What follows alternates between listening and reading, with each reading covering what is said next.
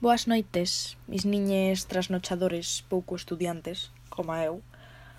Eh, benvidos ao segundo capítulo do meu podcast titulado Fundamentos da Arte segundo de Bachiller porque non son moi original. Imos seguir falando do romanticismo, pero agora imos concretar, xa que temos o contexto clarísimo, porque se non escoitaches o episodio 1, que contexto e estilo do romanticismo, recomendo cho, é moi bo, fala unha muller que ten moita idea da vida E agora imos concretar, imos ir cos autores. Neste capítulo imos tratar os pintores nórdicos. Dentro dos pintores nórdicos imos tratar a Friedrich. Falamos de Friedrich. Nome completo, Caspar David Friedrich, con Friedrich nos chega. Naceu no 1774 e morreu no 1840. Naceu en Griswold, na Pomerania sueca, e pertenece a unha familia de clase pois media baixa, humilde, normal. Na súa infancia pasanlle varios falecementos que llevan a causar un pouquiño de trauma, de issues. Básicamente morre ya nai, que eso pois non creo que sea moi bonito para ninguén, pero ademais morrelle un irmán. E diste, bueno, un irmán, bueno, sin máis, a ver, sin máis, eu non teño irmáns, entón non sei se me afectaría moito, pero bueno, resulta que Friedrich sentese moi culpable pola morte deste irmán, xa que el se estaba afogando nun río, nun lago, e o irmán foi salvalo, e morreu el, afogado. Entón, Friedrich vai sentirse toda a súa vida culpable da morte do seu irmán. Isto que pasa? Como consecuencia vai tratar moito a morte na súa obra e ademais vai ter como unha tristura, unha melancolía o que chamaríamos unha como morriña que lle vai acompañar toda a vida. Cando é máis así un, un xoven, un adolescente, fórmase na Academia de Belas Artes de Copenhague. Se forma máis como debuxante que como pintor, pero posteriormente pois mm, súdalle a polla e mm, fai o que quere, que pintar paisaxes moi bonitos. Vai vivir en Dresde ata a súa morte e conserva toda a vida a nacionalidade sueca. Na súa obra van aparecer banderas suecas, celebra o retorno da Pomerania, rexeita todo o francés, porque a cultura que o invadiu, eh, lóxicamente. De aquí nace o seu forte nacionalismo, que se vai reflexar moitísimo na súa obra en un montón de cousas que imos comentar máis adelante, pero imos por partes. Unha cousa curiosa é que non fixo o Gran Tour, que era como unha viaxe obrigada para todos os artistas daquela época, viaxar a Roma, aprender dos maestros, pero non o fixo. E quizáis por iso é que se pensa que as súas obras posúen como unha luz xélida en vez de esa luz dourada característica da campiña romana. No 1808 va ter como seu pic de, de fama, de, de máis destacable, que foi cando pintou a Cruz na Montaña, que isto foi como seu descubrimento, no? o seu debut.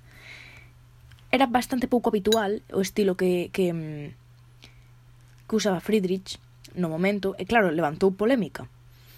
Pero ao final, o que conseguiu facer foi abrir as portas ao romanticismo en Alemania.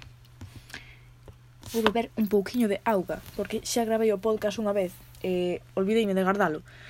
Entón, é que teño a garganta máis seca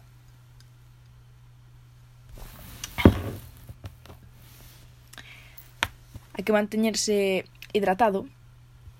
Acordadevos, mentras estades escoitando isto, levantadevos un descansiño, tomando un vasillo de auga, dadelle a pause, para non perderos nada. Agora, Dito isto, continuamos. Esta obra, A Cruz da Montaña, vai ser das primeiras cunha paisaxe sublime, o que se chama paisaxe sublime, que vai ser un término que vai ser moi imitado posteriormente, unha idea que vai ser moi imitada.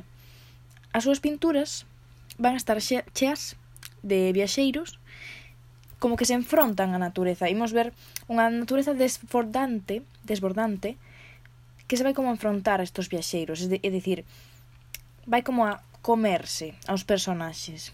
Estos personaxes van a toparse de espaldas, primeiro, por dúas razóns. Para non distraer o espectador, xa que o importante non é fixarnos na persoa, no viaxeiro, etc, etc. Non, o importante é fixarnos na natureza, no abrumador. E por outra razón, que precisamente se se encontra de, de espaldas, está vendo o mesmo que vemos nós. Polo tanto, o que quería Friedrich era que a persoa que estivera vendo o seu cadro se interese identificado con ese pequeno personaxe que se entera como a a delicadeza do ser humano o pequenos que somos en comparación ca natureza. Ten preferencia polas paisaxes maxestosas, como o mar ou as montañas. Pinta tamén unha interpretación dun naufraxo do mar Máltico, e utiliza esta luz xélida, dramática, para expresar como esta traxedia, porque como xa falamos antes, se escoitache deso o capítulo 1, que xa debería de sabelo escoitado, se estades escoitando este, se non vou me enfadar bastante. E aos románticos gustabanlle moito as catástrofes, os naufraxos, romper un pouco con aquela estética de do neoclasidismo.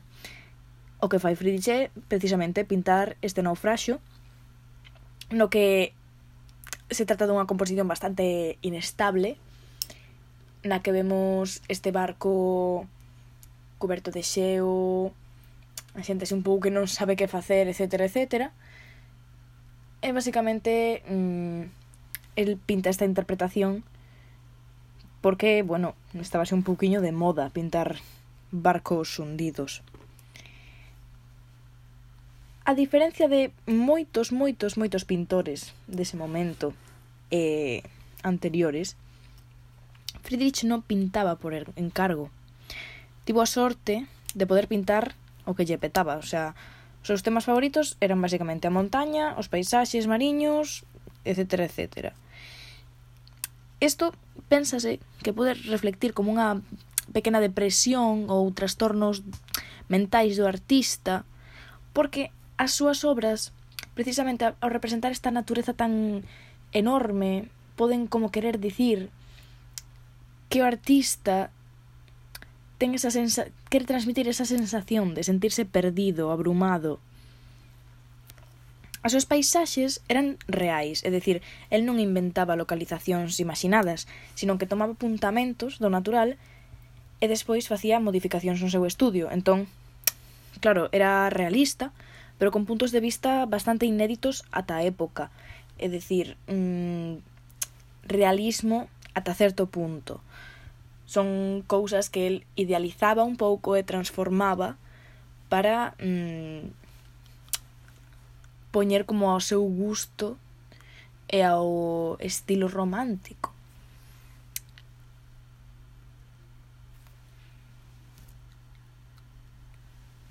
Gustáballe moito pintar tamén néboas, ruínas góticas, e todo isto ten moito que ver, sobre todo das néboas co anos en verán, o que falamos antes, de este volcán que baixou 3 grados a temperatura, bla bla bla. Isto eh, o vamos denominar como paisaxes íntimas.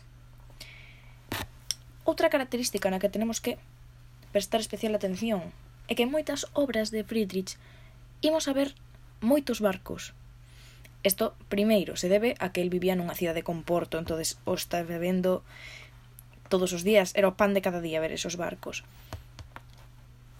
Estos barcos representan a vida. Canto máis próximo este ao porto, pois máis próximo está da morte. Si este señor non era moi positivo, se ve, pero bueno, mmm, é a que hai, hai que estudalo. O que tamén vai facer é exaltar as vestimentas típicas alemáns, para loitar como contra a moda afrancesada que se estaba poñendo de moda na súa, na súa terra. El non lle gustaba ver a súa terra con modas dos franceses, porque era, pois repito, fortemente nacionalista. Estes traxes alemanes foron proibidos, así que se supoñe que Friedrich pintaba estos traxes na xente a modo de protesta, a modo de dicir podes prohibir os traxes, pero aquí están. A partir do 1812, tan patriota que era, pero vai sustituir o patriotismo polo dominio do simbolismo cristián, que distí. Isto de onde o sacou? Bueno, pois resulta que Friedrich era moi creente, moi cristián, e que pretendía agora cos paisaxes xerar un simbolismo cristián, un sentimento de religiosidade a través da natureza. É dicir, aquí hai unha dualidade na que vamos a ver os dous elementos que son a natureza abrumante e as persoas pequeniñas e vai a ser a natureza vai se relacionar coa unha divinidade e as persoas pequeniñas co ser humano. Ata aquí. Agora seguindo un pouco ca súa vida. No 1818, cando tiña 40 anos, casou con Caroline Bomer, que tiña 25. Mira, se era listo Friedrich, moito paisaxe, moita hostia logo. A viaxe de boda o levou a Griswold e a Rügen. Rügen, non sei como se pronuncia isto, pero Rügen. Onde eh, vai pintar máis paisaxes. E finalmente A partir de 1820 vai empeorar moito o seu estado de ánimo, porque se xa estaba un pouquiño trastornado este home, pois un amigo seu, que tamén era pintor, foi asasinado. Así que, para animarse un pouquiño, vaise mudar ao, ás orillas do río Elba, onde van a pasar embarcacións continuamente, e que vai facer este home? Pois pintalas. Vai seguir pintando paisaxes, pero esta vez moito máis campestres. O público en xeral vai esquecer a Friedrich despois de que morra no 1840 como que vai ser un poquinho esquecido ata máis ou menos 1860 cando van chegar os simbolistas e o van redescubrir e decir, bueno, este home pois era un predecesor e un adelantado á súa época. E pois hasta aquí chegamos con Friedrich. Espero que se vos faga un pouquiño ameno escoitarme falar durante 15 minutos. Pero bueno, se se vos vos gusta escoitarme falar, pois eu non teño problema ningún, eu gustame moito falar, e así pois estudo eu tamén.